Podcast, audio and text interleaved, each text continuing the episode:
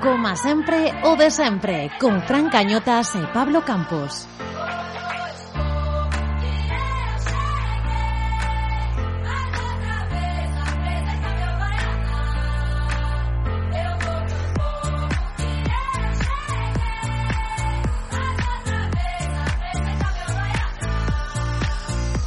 Moi boas, señoras, e señores. Benvidos a este 25 25 Xa, eh? episodios, eh? Uh, do noso podcast celeste. Moi boas, Fran. Eh, se o Celta ten que morrer sobre o campo, que sexa desta forma. No episodio 25 chegou esa derrota 4-3 diante do Sevilla. Señoras, señores, comeza, como sempre... O de sempre...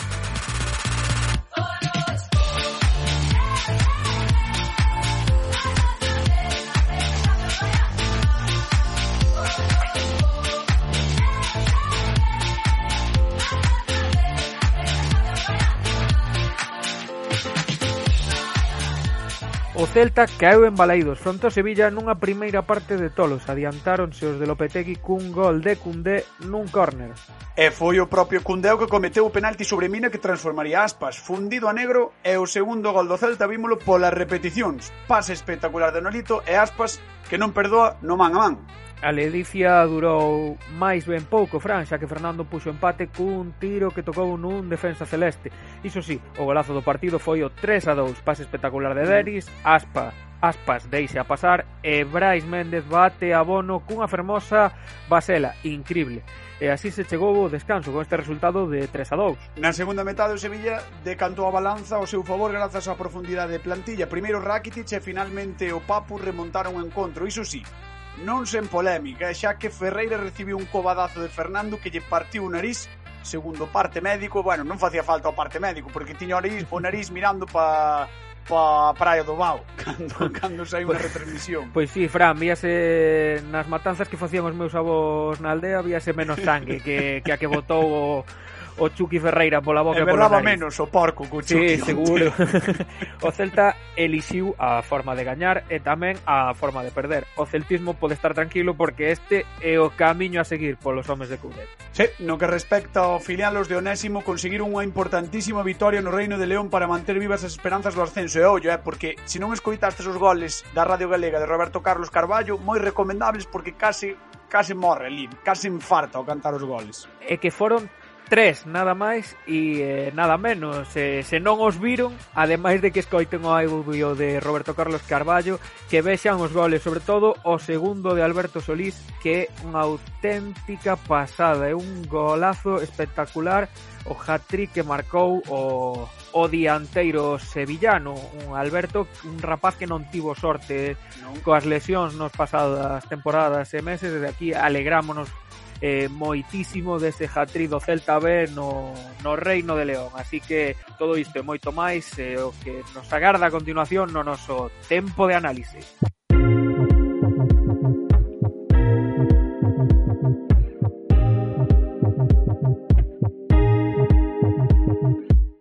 Todo tempo que le teima Así ya non vale pra nada Pasei a noite pensando en ti madrugada. Comento chego para verte, sí. Polo obradoiro indo tú a casa. O teléfono soaba a ti Dicindo que estabas namorada Veña, sube. Veña, sube. Veña, sube. E como son Goku Imos paseando una nube. Veña, sube. están connosco xe para este tempo de análise máis internacional. Hoxe cruzamos xa non fronteiras galegas da península, senón imos eh, pois a Gran Bretaña, máis imos a Bruxelas. Están os nosos amigos de Fora de Mapa, María Sabrí, xornalista e membro de London Celtas. Que tal, como estás? Hola, moi ben, pois Moitas grazas por, por convidarnos, encantada de, que, de estar aquí con vos. Bueno, para, no, para nos é un, un placer ter, ter xente como vos. Eh, Juan Vergara Vigués, e atención, ointes do como sempre de sempre, é unha persoa que traballa Naeta. E nunca mellor dito, demais. Que tal, Juan, como estás? Pois moi ben, aquí en Bruselas a, sobrevivindo ao clima bruselense. É chungo, non? É eh, chungo. Eh, sí, é chungo, e bueno, non, non traballo para ninguna banda terrorista, eh, vale, eh, son vale, politólogo vale. nunha asociación europea, eh, copiaron o seu nome, basicamente. Copiaron vostedes o nome. Como non hai bellos que banda terrorista. Sí, bueno, vai a ver, vai a ver que mirar que han registrou antes, non o nome. Exactamente. eh, bueno, antes de nada, a nós gustaríanos saber un pouco que é isto de fora de mapa, que, cal é o voso proxecto, o, o que pode atopar a xente que que o queira escoitar. Non sei quen de vos o, o quere explicar así un pouquiño. Vou eu? Pois sabéis que tivo a idea. Veña, Sabarís. Bueno, eu tiven a idea, pero eh, alimentada, digamos, por, por Juan. Porque, a ver, eh, Juan e máis eu somos amigos hai moitos anos, eh, facemos viaxes eh, xuntos, e, eh, bueno, é a miña referencia, digamos que Juan é a miña referencia para estes temas. O sea, Ajá. para temas de de minorías, de historia europea. Entonces, eh, sempre que andamos por aí de viaxe, sempre pues, conta historias ou cando fomos, por exemplo, por os Balcáns, pois, pues, ah, mira, aquí vive esta minoría que non sei que, e sempre, pois, é moi interesante o que di, non? eh, eh, sobre todo porque dis, jolín, é que eu non teño nin idea desta, desta xente que vive, Xa. eh, que é unha minoría, cunha linguaxe, unha cultura propia, e, e non tes nin idea. Entón, no confina... bueno, xa na, na última parte do ano pasado, de repente, non sei, eh, iluminouseme así, vendo un pouco o conflito de Nagorno-Karabaj, que empezando a ler, a ver como, como era o, o conflito e tal. E entonces eh, pensei, dixenlle a Juan, oes, e por que non facemos un podcast en galego, que eu creo que non hai, fa, falando destes temas das minorías europeas, tal, cual. E claro, bueno, Juan enseguida, enseguida se sumou. Eh, non? Ah, ent entendín Pensaba que iba a decir enseguida se eh, flipou. Se, eu, ah, se, sí. eu, bueno, eu entendínlle enseguida se esfumou. Ah, hai, hai que das ti co, co podcast eh, arrancando. No, no, no. Se flipou, eh, esa sería o termo. Porque sí. lle mola moito eso, que conte el un pouco. No, viuse arriba, digo, que se motivou el. Sí, sí, Non, Juan? Motivácheste ou non? Sí, sí, completamente. Xa, puxen aí a, a escribir guións, e ao cabo de dúas semanas xa tiña tres ou catro preparados. Eh, Primeiro vai sobre este, Despois voltamos como dos meses para gravar o primeiro programa, pero xa tiñamos os primeiros a... Sí, sí, Juan empezou a producir eh, que aquello era que eu decía, a ver, eh, espera un pouco porque aínda non sei ni manejar o cacharro este para facer o, o podcast, sabes? Igualiño, igualito ca nós, Fran. Que... Sí, básicamente, básicamente como que, a nós. Que, que casi todo improvisación. Eh, falam, nos, a verdade é que o primeiro foi a caída, é un pouco improvisado, e mira, eh, e aquí estamos 25 programas despois. Eh, non sei, que pode atopar a, a xente no, no vosso podcast para que se enganche ou para que estea escoitando agora ou como sempre de sempre diga oi, pois mira, vou escoitar, xa que fan un podcast en galego que é algo que sempre demanda moito a xente, pois que vai atopar no vosso, Juan? Pois falamos de cousas que normalmente non se falan, penso eu, eh, de tema, unha temática que é no meu, no, desde a miña perspectiva é moi interesante porque eu son unha persoa que se interesa moito por tanto para a historia, a diversidade en Europa, eh, e moitas destas minorías, pois non se fala delas, ou non son minorías, senón tamén países que teñen a súa independencia, o seu estado, pero que teñen unha identidade moi moi complexa porque uh -huh. teñen, com, teñen problemas internos, etc. Eh, ademais tamén nos dá unha perspectiva diferente da nosa propia identidade, porque vemos como hai outros países ou outros povos que eh, o millor non teñen a mesma os mesmos dereitos recoñecidos ou teñen os mesmos dereitos recoñecidos e protexen mellor a lingua ou sen tantas garantías pois teñen unha identidade moito máis forte ou o contrario. Eh, Eh, eh, tamén, por outra parte, algo que me, a mí me gusta moito do, do podcast é que moitas veces contamos con, con xente experta eh, uh -huh. que nos axuda moito porque ele sabe moito máis que a nós. Entón, pois, ás veces, pois, contactamos con, pois, por exemplo, cun experto nos Balcáns, como Miguel Roán, cunha profesora da Universidade de Boloña, que nos dá máis, unha perspectiva máis desde o punto de vista da persoa que vive na, naquela realidade. Que guai! Que guai, a verdade é que soa, soa moi interesante. Eu que son tamén un amante de, de viaxar e coñecer lugares pues, descoñecidos, eh, ten, ten, ten moi boa pinta. Recomendable é eh, que, o, que os coite todo, todo o mundo e que, e que este atento ao que vayan sacando aí en, en fora de mapa. Pero nós, ademais de para que presentarades o vosso podcast, quere, queremos que, ou queríamos que viñerades o como sempre de sempre, porque sodes moi, moi, moi, moi, moi seguidores do Celta. Entón, non sei como vistes Outra minoría para... tamén a tratar. Outra minoría. outra minoría onde conflue. Claro, outra minoría cos seus costumes, ca, ca súa lingua, a súa forma de ver as cousas, ca súa defensa particular, entendes, que é moi particular a defensa do Celta, bueno, e ademais cun deus tamén ao que idolatrar, non? A nosa cultura é, é un pouco así. Non sei, como vistes o, o partido? Que titular vos deixou, María? Uf, uh, a ver, titular xa uf, imposible uf, casi, porque. Eh, ven, veñenme moitas, eh, non sei, moitos momentos de que partidazo, que eh, por sí. que outra vez estes fallos, eh, eh, despois eh, as polémicas arbitrais, non sei, é un partido que tuvo de todo, eso é verdad, o sea, aí tivo de todo, pero sobre todo o titular que me deixa é que a min este Celta gústame ilusióname porque creo que é un proxecto que non é de agora, eh, ten que durar e eh, eh, a tempada que ven, eh, digamos que, non sei, facerse forte, pero non sei, o partido de onte de, deixoume, sobre todo, joder, ao final tes un pouco de, de, de fastidio, non? Porque dis, joder, que merece, mereceu máis o equipo.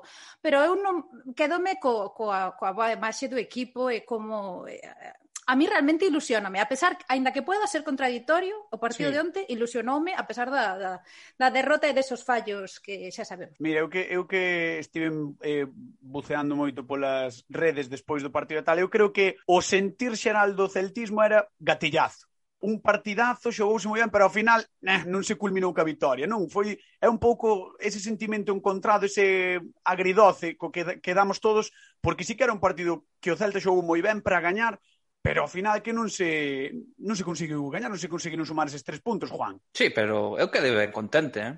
A verdade, a verdade é que ao final foi un pouco como o, o típico eslogan de xogamos como sempre, no, xogamos como sí, nunca, perdemos como perdemos sempre. Como sempre. Como pero... sempre o de sempre, como se chama. Como sempre o de sempre, xo digo, no. Como que podcast, sí, sí, sí. Eh.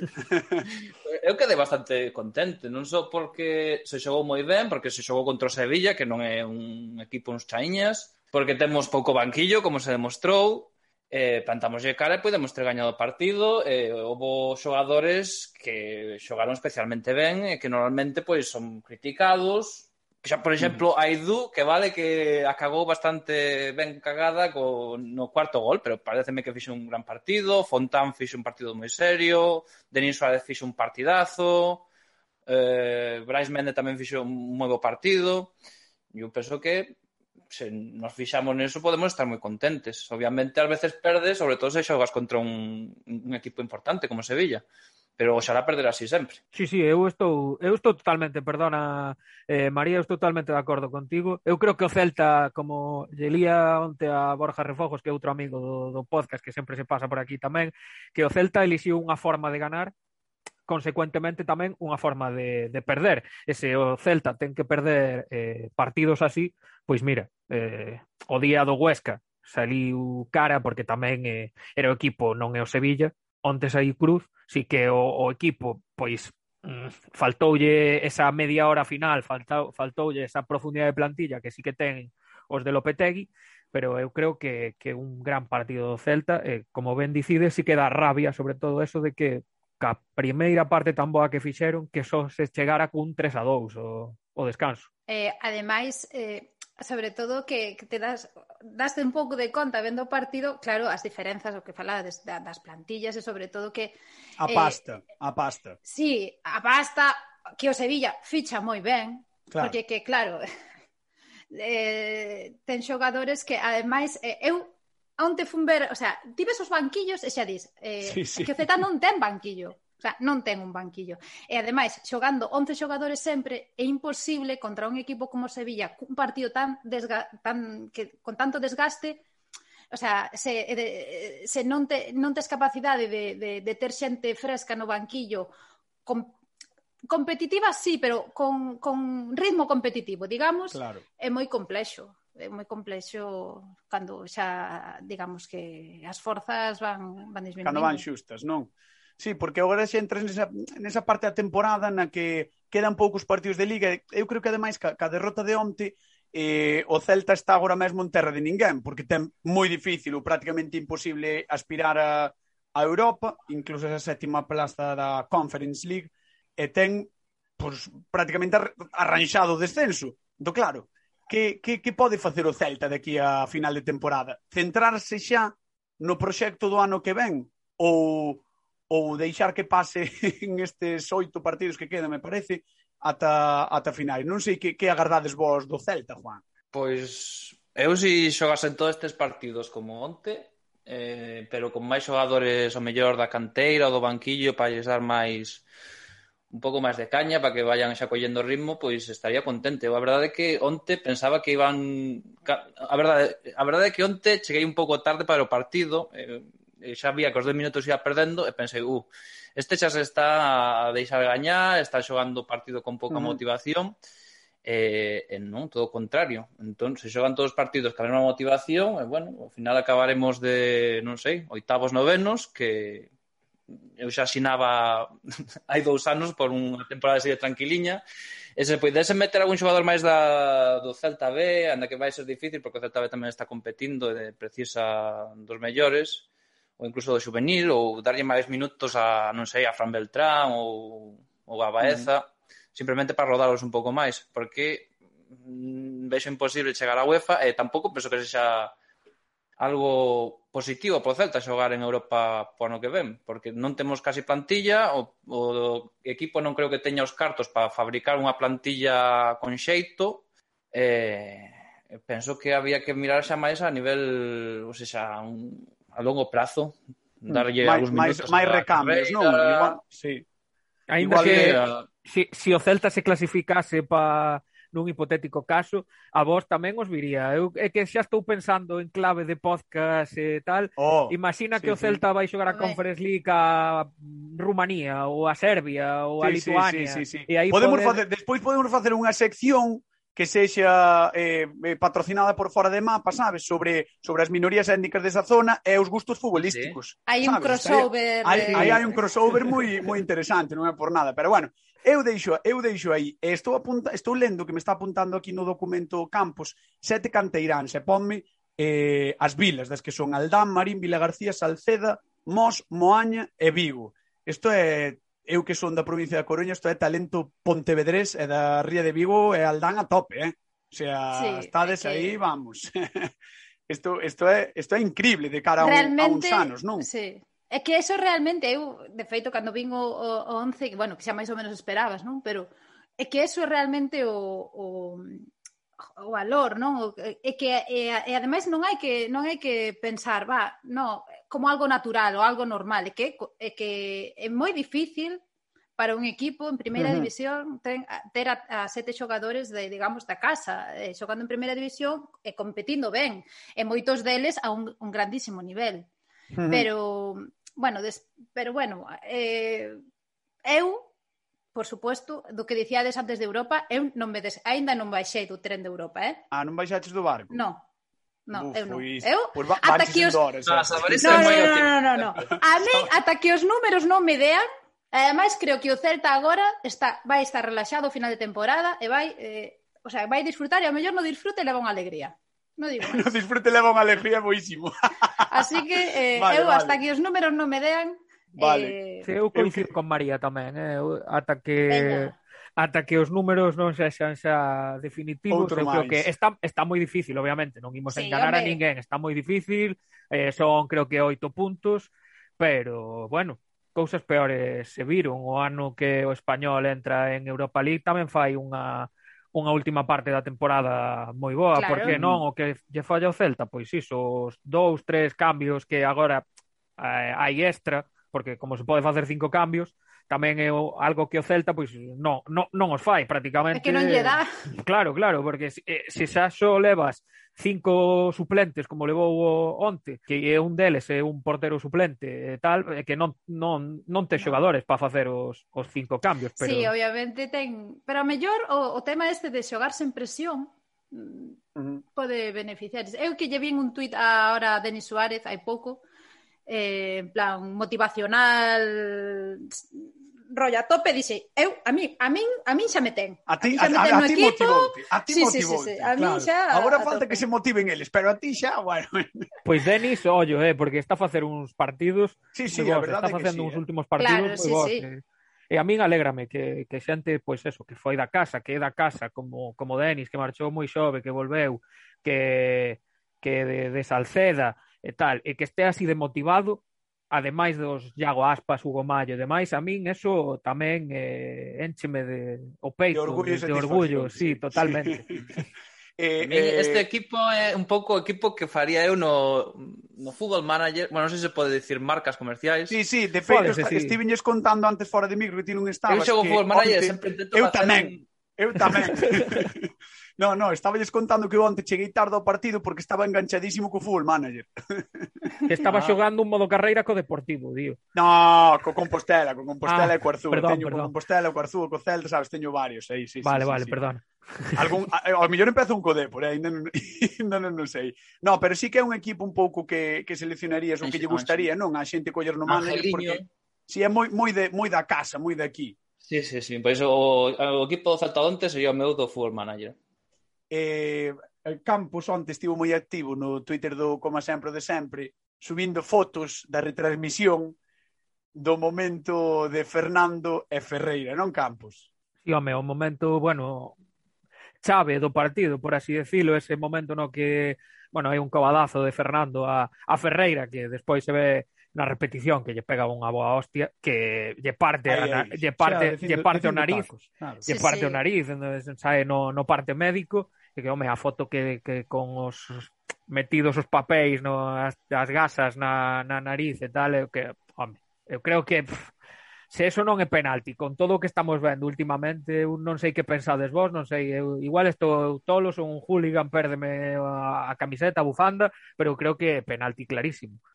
A ver, eu a verdade é que cando vin as imaxes pensei que era, o sea, gritei en plan, pero eh, penalti, joder, en plan, perdón.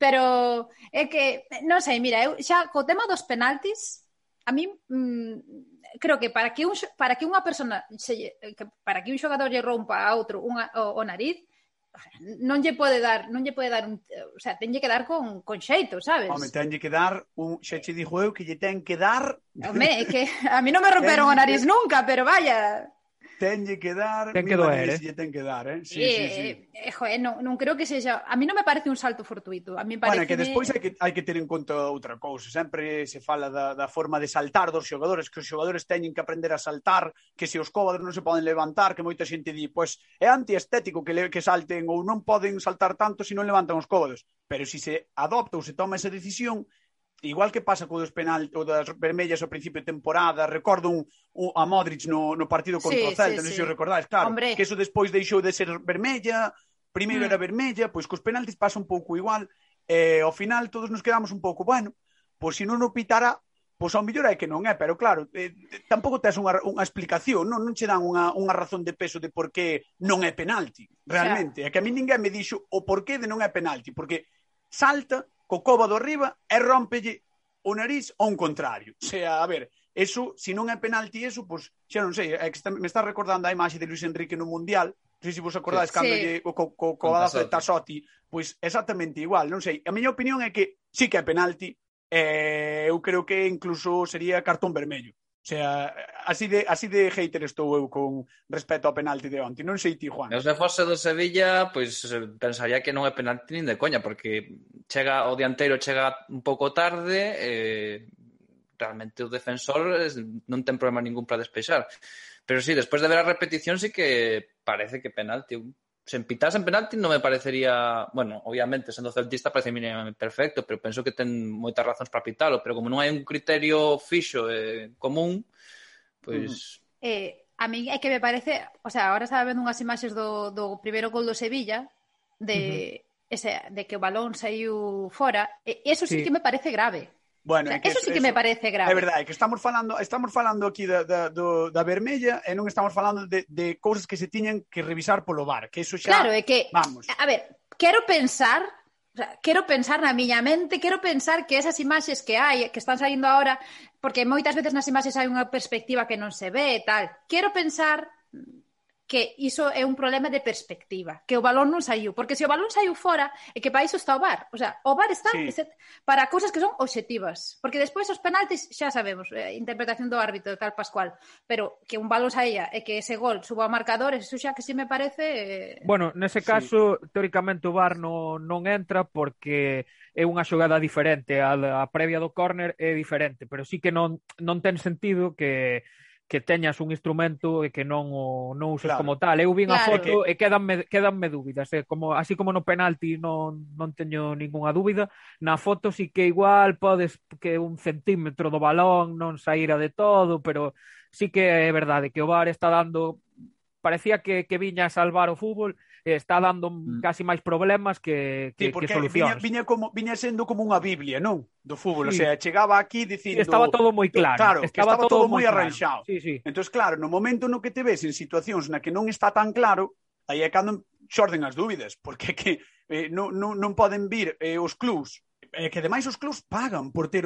por ter as licencias do bar e por ter claro. os instrumentos necesarios na, na, nas súas instalacións. E agora, se non tes o bar, non podes competir. Entón, claro, isto parece, eh, eh, pois non sei, eh, é bastante gracioso, non? Porque é como que tens que utilizar un instrumento que, que te prexudica e que non sabes se o van estar utilizando ben ou se o están utilizando para o teu beneficio ou non. Xa non digo beneficio, sino para, para que todo sexa máis xusto. É un pouco claro, é que, extraño. Ao final, e ao final eso é unha ferramenta e quen, quen utiliza esa ferramenta son persoas eu creo que o problema non é o bar en sí o, sea, claro. o bar pareceme correctísimo. O problema é a xente que utiliza esa ferramenta. Non sei, se, sí. non sei que sempre son cambiantes os criterios. O que queres decir é que os árbitros son moi malos, que é o que digo sempre. E a mí, a ver, é que este que árbitro Lama, pero é que é verdad, son moi malos, home. O son árbitro do partido a... de onte eh, que non, mm. non, non teño atravesado a ese home. É que Claro, é que a cousa é, o árbitro do partido de onte era... Hernández Hernández. Hernández Hernández. Hernández. Bueno, vaya feira, é verdad. Sí, sí, é verdad. Sí, que se, sempre lle vexo como unha actitud moi activa no terreo de xogo, non sei, é como que me estás perdonando a vida. Non sei, sempre sempre que o vexo, así como hai outros árbitros que son máis dialogantes, máis, non sei, sempre me ten a sensación de que vai perdonando a vida polo campo. Sí, bueno, é, é un pouco, o, o tema dos árbitros é un pouco é un pouco escabroso porque, bueno, eu visto, eu vexo moita segunda B, moita terceira. Eh, vendo o nivel de segunda B de terceira das arbitraxes, cústame moito crer que os árbitros de primeira división sexan tan bons como, como nos venden sempre, porque vendo os de segunda B de terceira, digo, me ca, en segunda B só está a segunda por riba e terceira, é dicir, eh, a ver, xa tiñan que ter certo nivel os árbitros de segunda B, que van moitas veces de asistentes os principais á segunda división. Cuidado, entonces claro, non sei, é unha cousa que non me quero meter moito no tema porque é é, é unha merda literalmente. bueno, non é doado, é realmente eh, entendemos que os árbitros son personas e todas esas sí, sí, cositas, sí, sí. pero non é doado, é certo. E aparte sí, sí, todo o é... Eh, mundo opina, todo o mundo interpreta. Sí, é, co é complicado, eu creo que é difícil, pero bueno, se si realmente non son os mellores árbitros do mundo, que é normal que non sexan os mellores árbitros claro. do mundo, que non nos traten como os mellores do mundo, sabes? Ou que non nos vendan como os mellores do mundo. Que a mí non me importa, quero dicir, se si se equivocan, moitas veces equivócanse, pois a favor de, dun equipo, en contra, durante unha temporada, obviamente. Pero non me gusta nada que nos vendan como no fútbol todo é perfecto, todo é un negocio espectacular e todo funciona de maravilla, que os árbitros españois ou da Federación Española de Fútbol son os mellores, cando despois en Europa o mellor gustalles, pois Mateo Laoz para de contar, o sea, xa non lles gustan máis. Non, é un pouco esa, esa historia. Non, e non me quero meter máis no tema porque nos queda o tema de Aspas Campos. Pois sí, eh, fiando antes, bueno, onte a xente en Twitter tamén estaba moi encendida. Lin un tuit no que se relacionaba a, o que comentastes de, de Tasotti, Luis Enrique, a non convocatoria de Aspas, que non vou reproducir porque nos pechan o programa, pero eu opino que, que non sei que máis ten que facer Iago Aspas, de feito é a nosa pregunta da voz da bancada, por que Luis Enrique non leva a Iago Aspas coa selección, sendo o, o que é o máximo goleador español español dos últimos seis temporadas na liga. Non sei, María, ti que, que, que motivo, que razón, que se che ocurre, que se che pasa pola cabeza para responder a esta pregunta? Pois eh, a la pregunta del millón. no, eu a mí fixemos unha eh, onte despois do partido estaba estaba escoitando a roda de prensa de Lopetegui eh, bueno, de Coudet, pero chamou a atención que a Lopetegui pois, pues, preguntaronlle como, part, eh, como foi o partido e tal, e él, sin ninguén lle preguntara por aspas, pois pues, veu a decir algo así, porque además, además el Celta es un equipo, juega Iago Aspas, que es uno de los mejores delanteros, algo así, dicho, como, eh, dixe, ui, eso foi un pouco pullita, non? En plan, sí, mira, probablemente. Eh, eh, é un dos mellores dianteiros de España, eh, eu levaba, o sabes? Bueno, que, lo, el, que Lopetegui, cando era mm. seleccionador, mm. levaba a selección, debutou, claro, por debutou iso, creo con que... él en Wembley, sí, sí. Ninguén lle preguntou por Aspas, en realidad, sabes? Foi unha cousa del falando do partido, do como xogará o Celta, que tiñan Aspas, que era mellor, entón dixen... Eh, creo que tamén... Eh, eh, a ver, isto sempre é o de sempre, pero é certo, a Aspas estar no Celta non lle, o sea, por que vai Morata a selección eh, que está na Juventus e non vai as, eh, Aspas? E aparte que é indiscutible, o sea, é unha cuestión indiscutible, uh -huh. que Aspas é un dos maiores xogadores eh, que ten que hai eh, españoles, entonces é indiscutible, eso é indiscutible. Ahora, por que Lopetegui non o leva, non sei. Eu quero pensar que está probando cousas e que na lista final vai estar. Luis Enrique, Luis Enrique, Lopetegui Ay, sí que o levaría. Sí.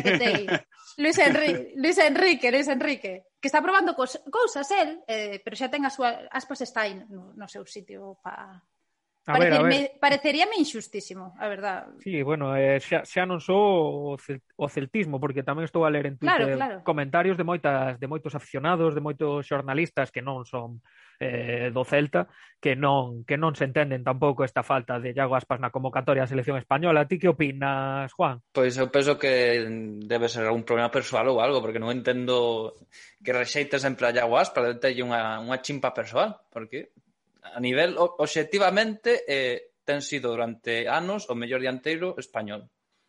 Uh -huh. Por números, e por impacto no xogo, e relevancia no equipo, etcétera se non o leva que non, non, non ten excusa ninguna debe ser porque lle cae mal ou eu que sei, ou insultoulle a muller ou, non ten moita razón de ser moi teimoso si. Luis Enrique non sei, pero é que non é normal. O, sea, o tipo millor por números, por impacto no xogo, por relevancia no equipo, eh, ten uns números propios de, de supercrack que de, de Messi e Cristiano Ronaldo, pois pues, mm. non o levas, filliño, pois pues, tú verás.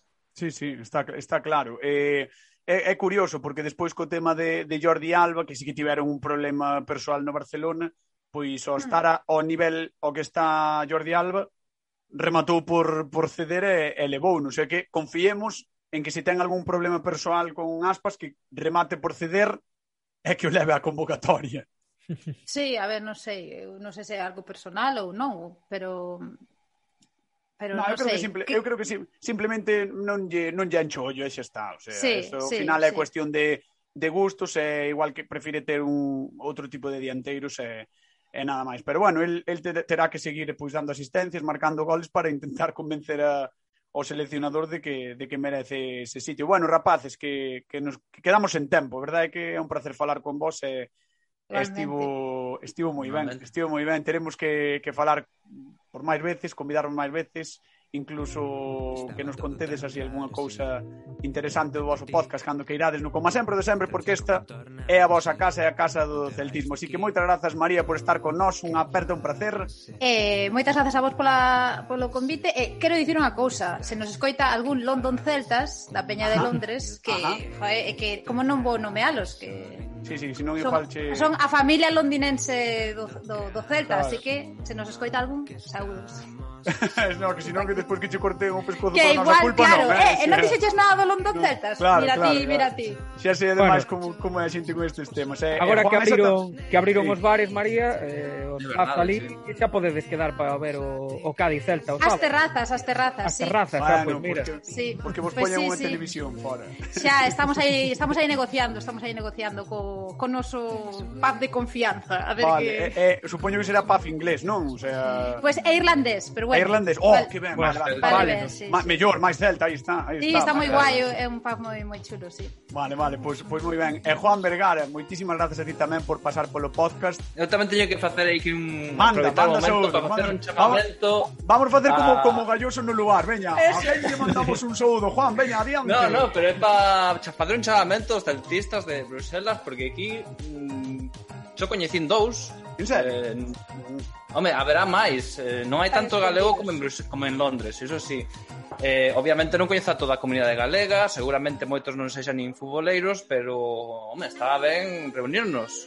Eu teño un colega de toda a vida que tamén é celtista, co que ás veces vou ver o fútbol, agora non se pode, levamos desde outubro cos bares pechados, pero, home, pois, ah, había que reunirse de vez en cando para pa ver o Celta, que pois presta máis, que presta menos tedes que tedes que crear unha app, xa que estades fora, tedes que crear unha app, igual que hai unha app para ligar por proximidade, pois unha app para xuntar a xente para ver o fútbol por proximidade, entendes? Xa está, entonces xa todo funcionaría moitísimo mellor. Moitas grazas aos dous, de verdade, foi un placer, un placer enorme. Gracias, chao.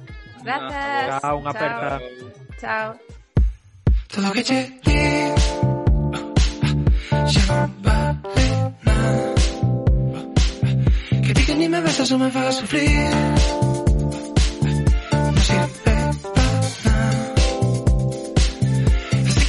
cómo vivir.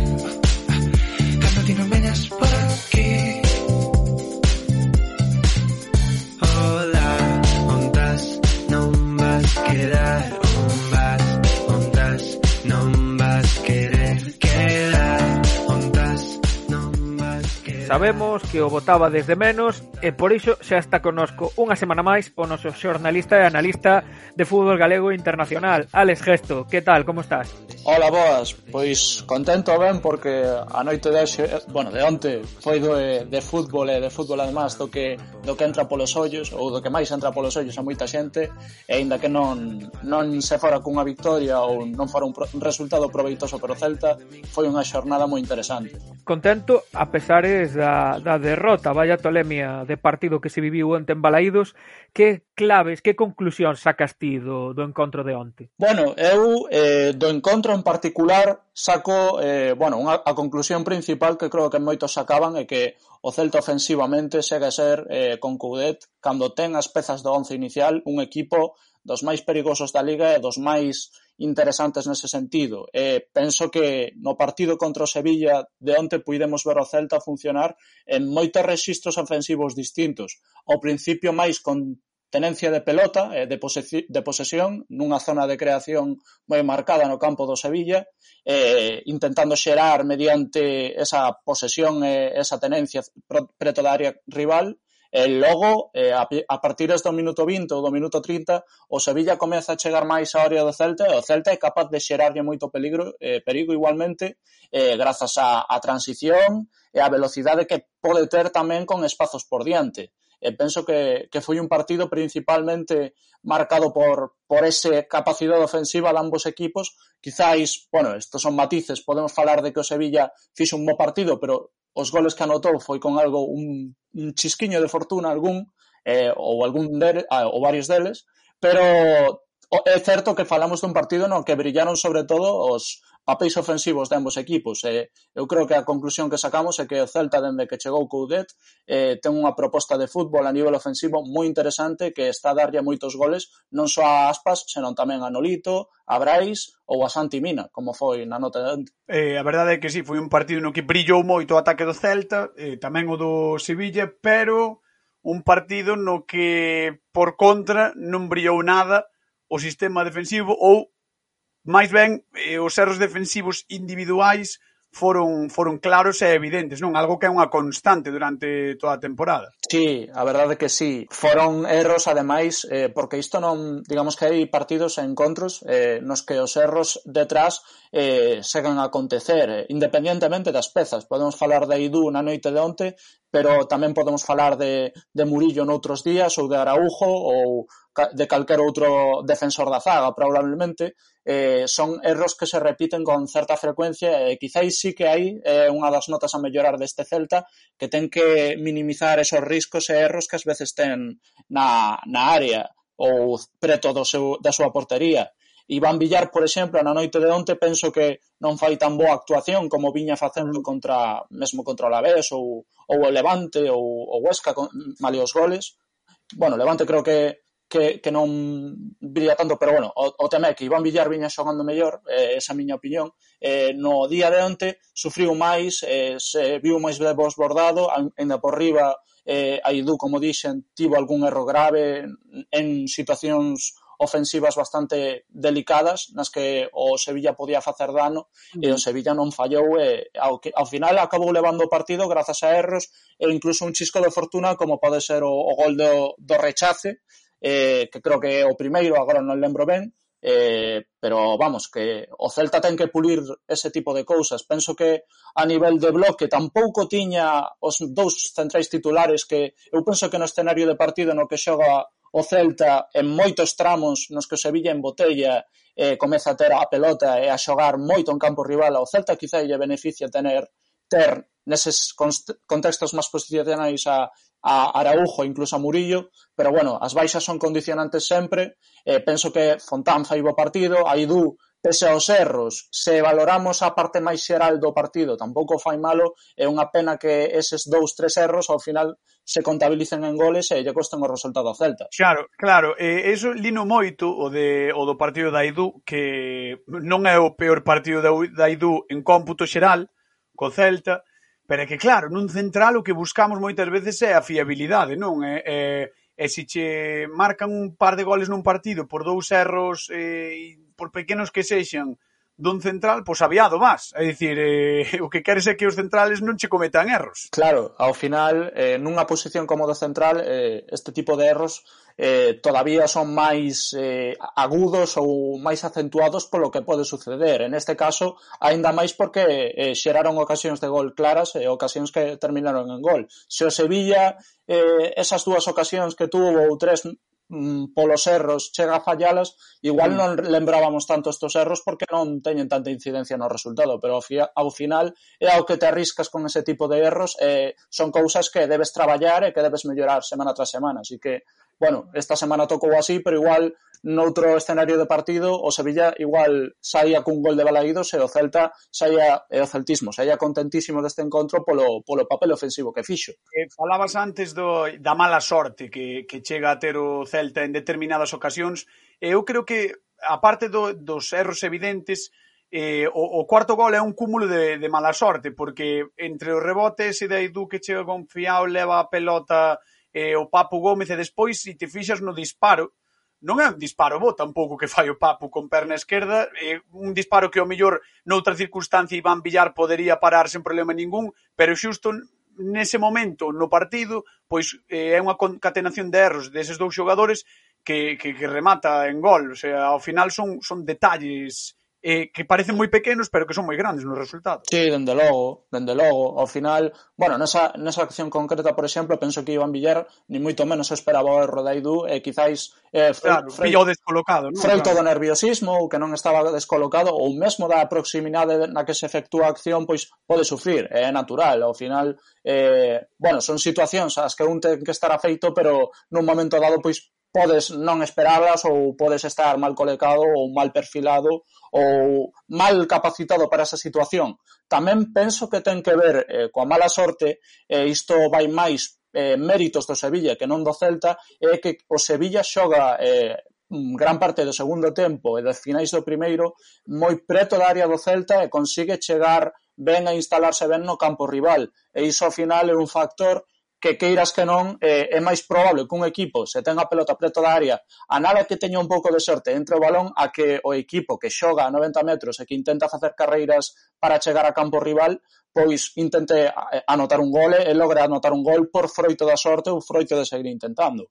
É, é curioso, porque nese escenario do partido, precisamente, o Celta logra sacar diferencias. Eu penso que fala moi ben eh, do primeiro tempo que fixo o Celta, máis alá eh, do papel defensivo, eh, porque logra sacar dous goles sen estar tan pouco preto da portería e penaliza moito os espazos que deixou Sevilla cando polo xeral é máis baixo menos en perspectiva é máis difícil mm, nun contexto xeral anotar goles mm. dese xeito que se teso, eh, que se fixo como Sevilla que tiña pelota que a, a, ainda por riba progresaba ben con pelota e conseguía chegar con certa frecuencia á área mm. rival entón o Sevilla de forzar tamén é normal que tamén logre ter este tipo de ocasións eh, como a calquer outro equipo que se xoga preto da túa área vai ter ocasións, vai no probar aínda que sexan disparos desde fora e sempre pode haber algún rechace ou algún momento no que fallan as fernas ou fallan as forzas e se provoca algún erro e o rival te marca gol. Uh -huh. E que a pesar dos erros defensivos da primeira metade podemos estar a falar dos mellores 45 minutos do Celta nesta temporada, sobre todo por esa a mí me sorprendeume bastante a presión arriba coa que saiu o equipo de, de Coudet,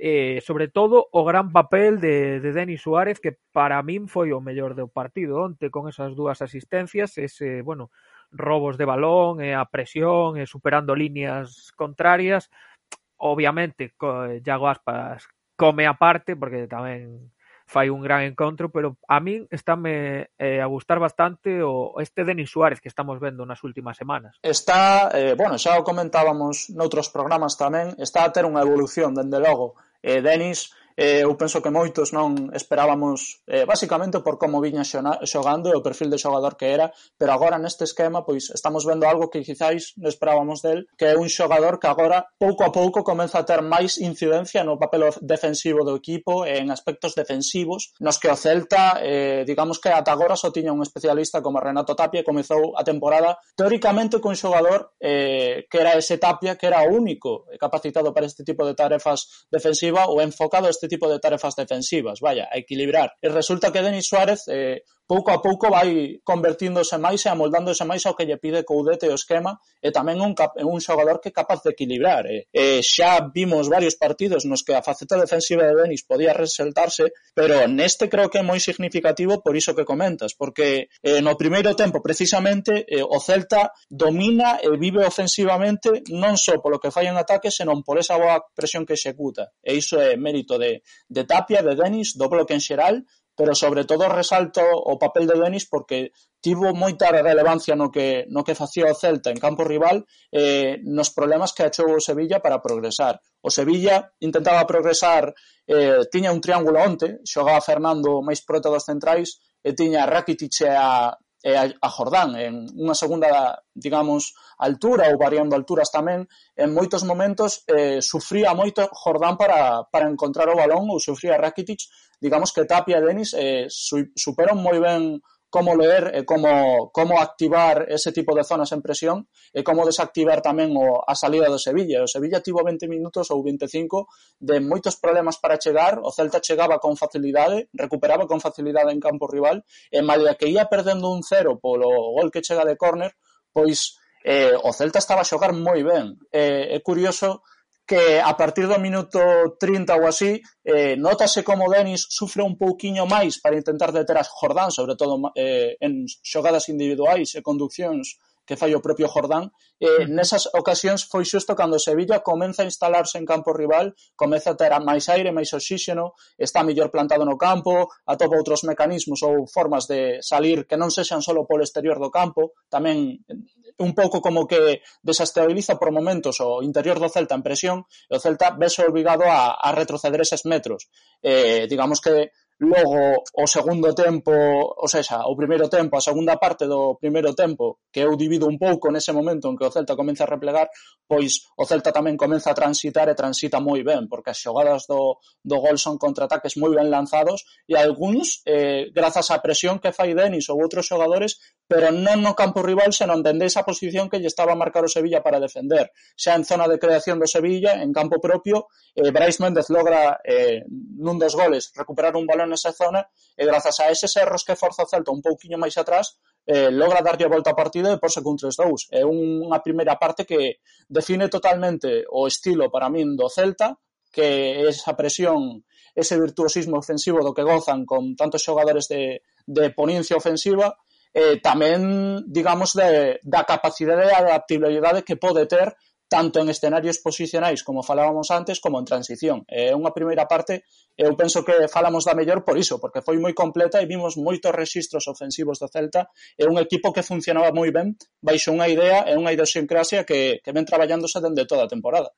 Falabas de Brais Méndez, ademais do gol, a min deu unha sensación de que como no básquet é un xogador deses que aporta os intangibles, esas eh, méritos dentro do partido, esas accións que non se reflicten tanto nas estadísticas, ademais do gol, eh? pero que sí que é un home importante dentro do sistema tanto defensivo do Celta nese mediocampo, xa que aporta músculo, recuperacións de balón, como, como no ataque xa se viu co, eh, chegando á área contraria. É, é moi intelixente e penso que sacrificase moito partido tras partido. E no anterior, pois, bueno, fixo como moitos xogadores outro desglose físico moi bo, moi interesante e, sobre todo, moi intelixente en todo o que fai. Defensivamente xa comentas ti, é un xogador que, bueno, non é sorpresa para ninguén, xa sabemos que un volante que traballa moito ne, nese 4-1-3-2 de, de Coudet, eh, sempre apreta moito o lateral, sempre axuda na presión intervención, eh, fai bo traballo, mesmo no robo tamén é unha boa intervención súa, pero tamén en campo propio é, é quen de cerrar, de pechar liñas fora, de intentar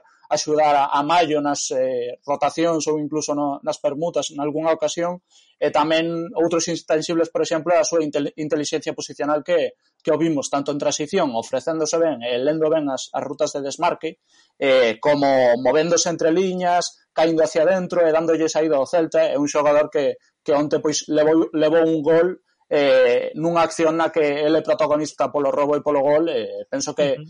que merece este tipo de, de partidos tamén para, para consolidarse e digamos para gañar un pouco eh, adeptos nese sentido porque penso que se lle a veces un pouco crítico e, e debemos contemplar todo o que pasa con el no campo que como ti dis a veces é máis menos doado porque é máis intangible ou, ou menos bueno, resalta menos, digamos que non, non un traballo que, que a, a ollo humano ou o ollo do aficionado non luce tanto, non brilla tanto, pero un traballo de moito valor e que sen duda Coudet aprecia e, e por iso ao final é un xogador tan tan indispensable neste esquema. Eh, falando un poquiño da lesión de Mina, da lesión de Ferreira, ves ao propio Brais como alternativa para xogar arriba con Iago como xa fixera o día do Alavés na ida en Baleidos, que tamén gañou o Celta. Sí, seguramente, seguramente porque eh, ao final era era o, o digamos o recurso que tiña antes de que chegara a Ferreira eh, o, o recurso que estaba a empregar cando lle faltaba ese nove máis posicional, pois usaba eh, empregaba Brais, que era, bueno, un xogador que ten certa altura e certo físico, ao final pois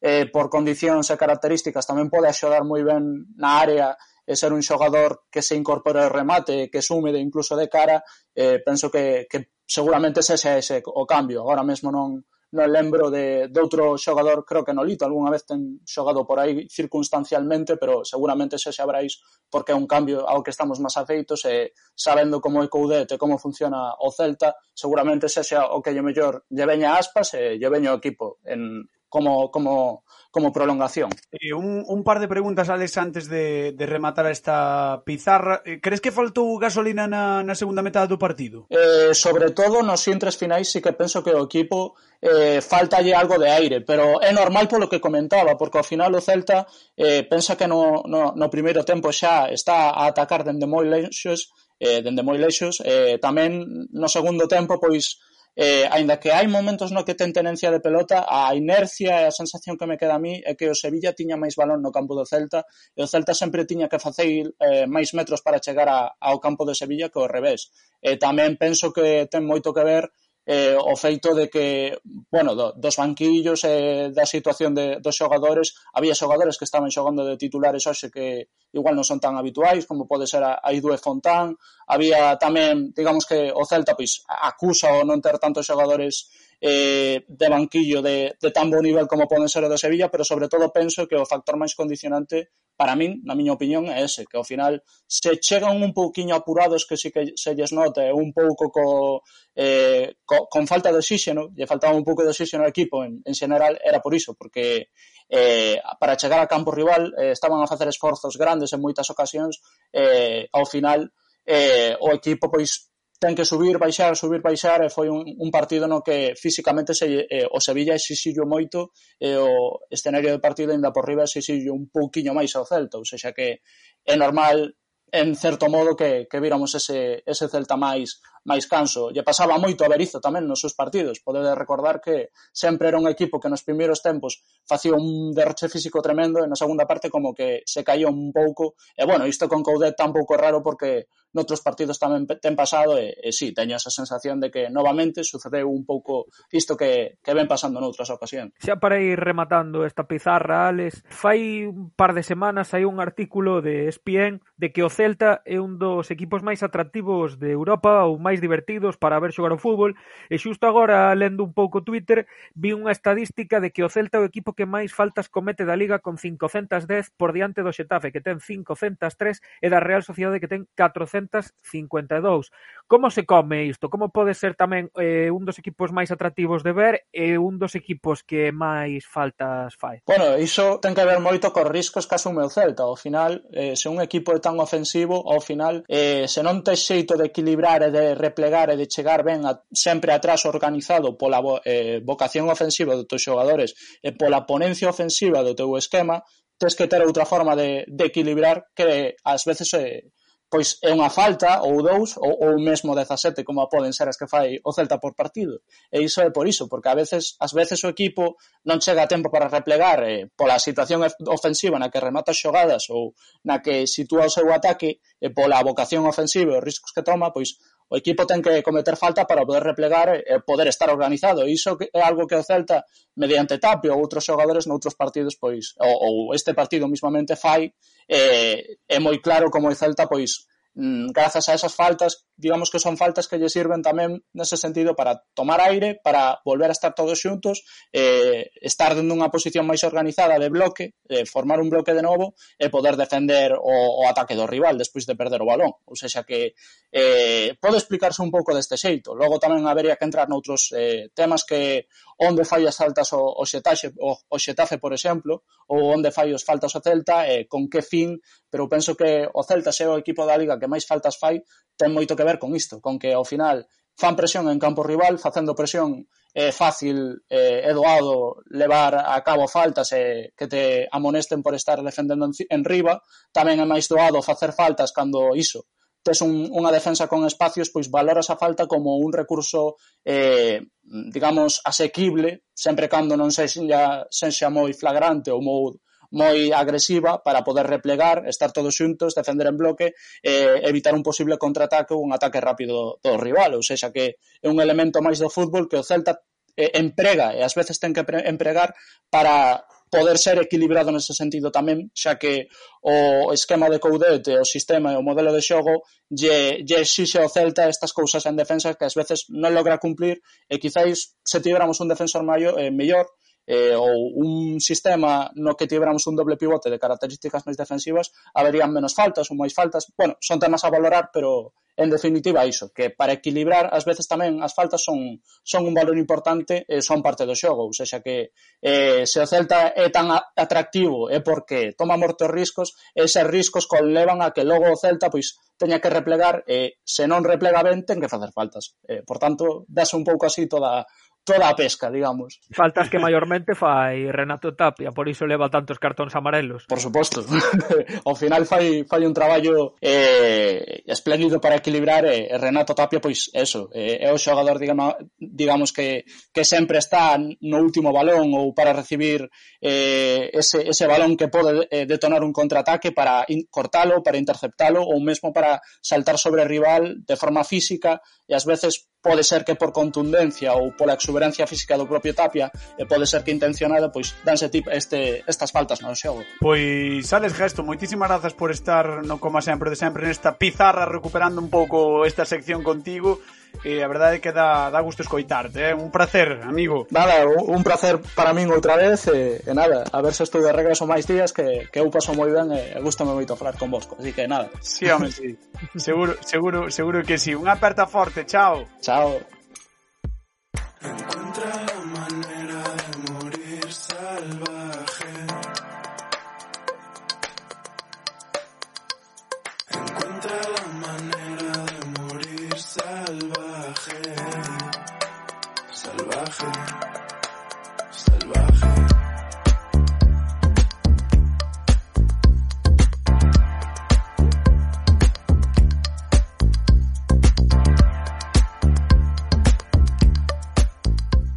Para este 25 podcast recuperamos a voz da bancada coa seguinte pregunta que fixemos por Twitter Por que Luis Enrique non leva ya o Aspas coa selección? E hai respostas de todo tipo Fran, por exemplo, Nico Galiñanes di E pa qué?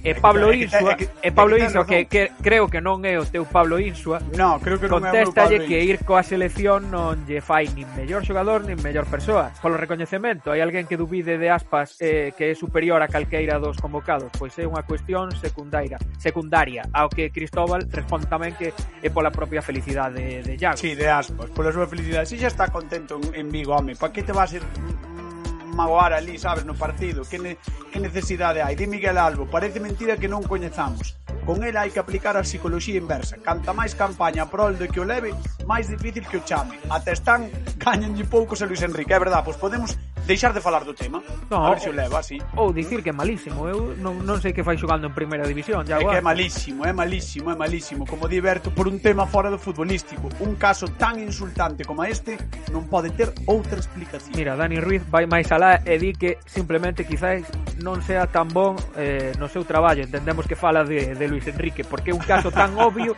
a todas as luces que pouco debate debería ter dende fai anos. Pois ao mellor si, sí. Goncho que di, pola clasificación do Celta, non leva a ningún que non estea por debaixo do Celta. Non, non estou seguro de todo, pero soa que si, sí, habría que repasalo, eh?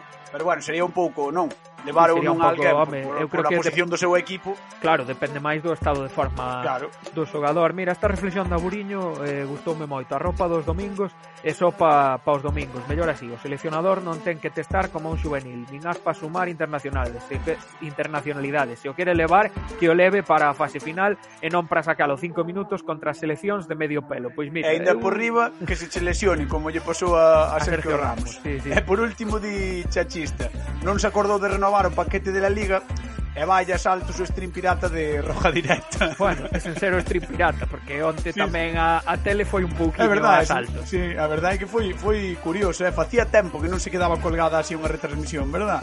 Pois pues facía, sí, sí. Facía tempo que non, o, que non o viamos. Bueno, o que vamos ver, máis ben, escoitar agora é a previa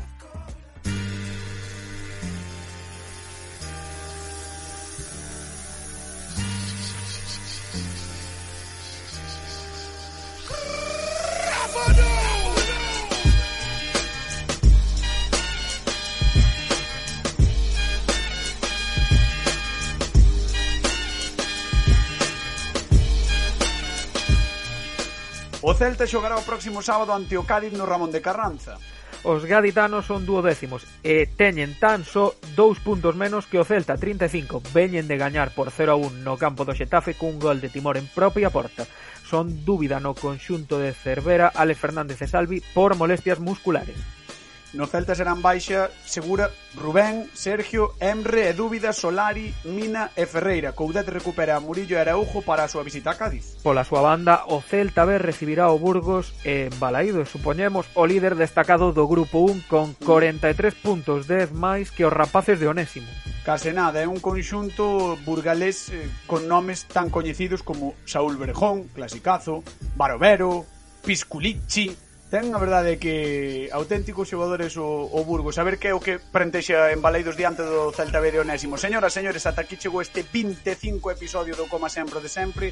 A ver se a semana que ven hai tamén sete goles Espero que sexan o sete para o Celta. Vémonos a semana que ven. Chao, chao. Veña, ata a próxima.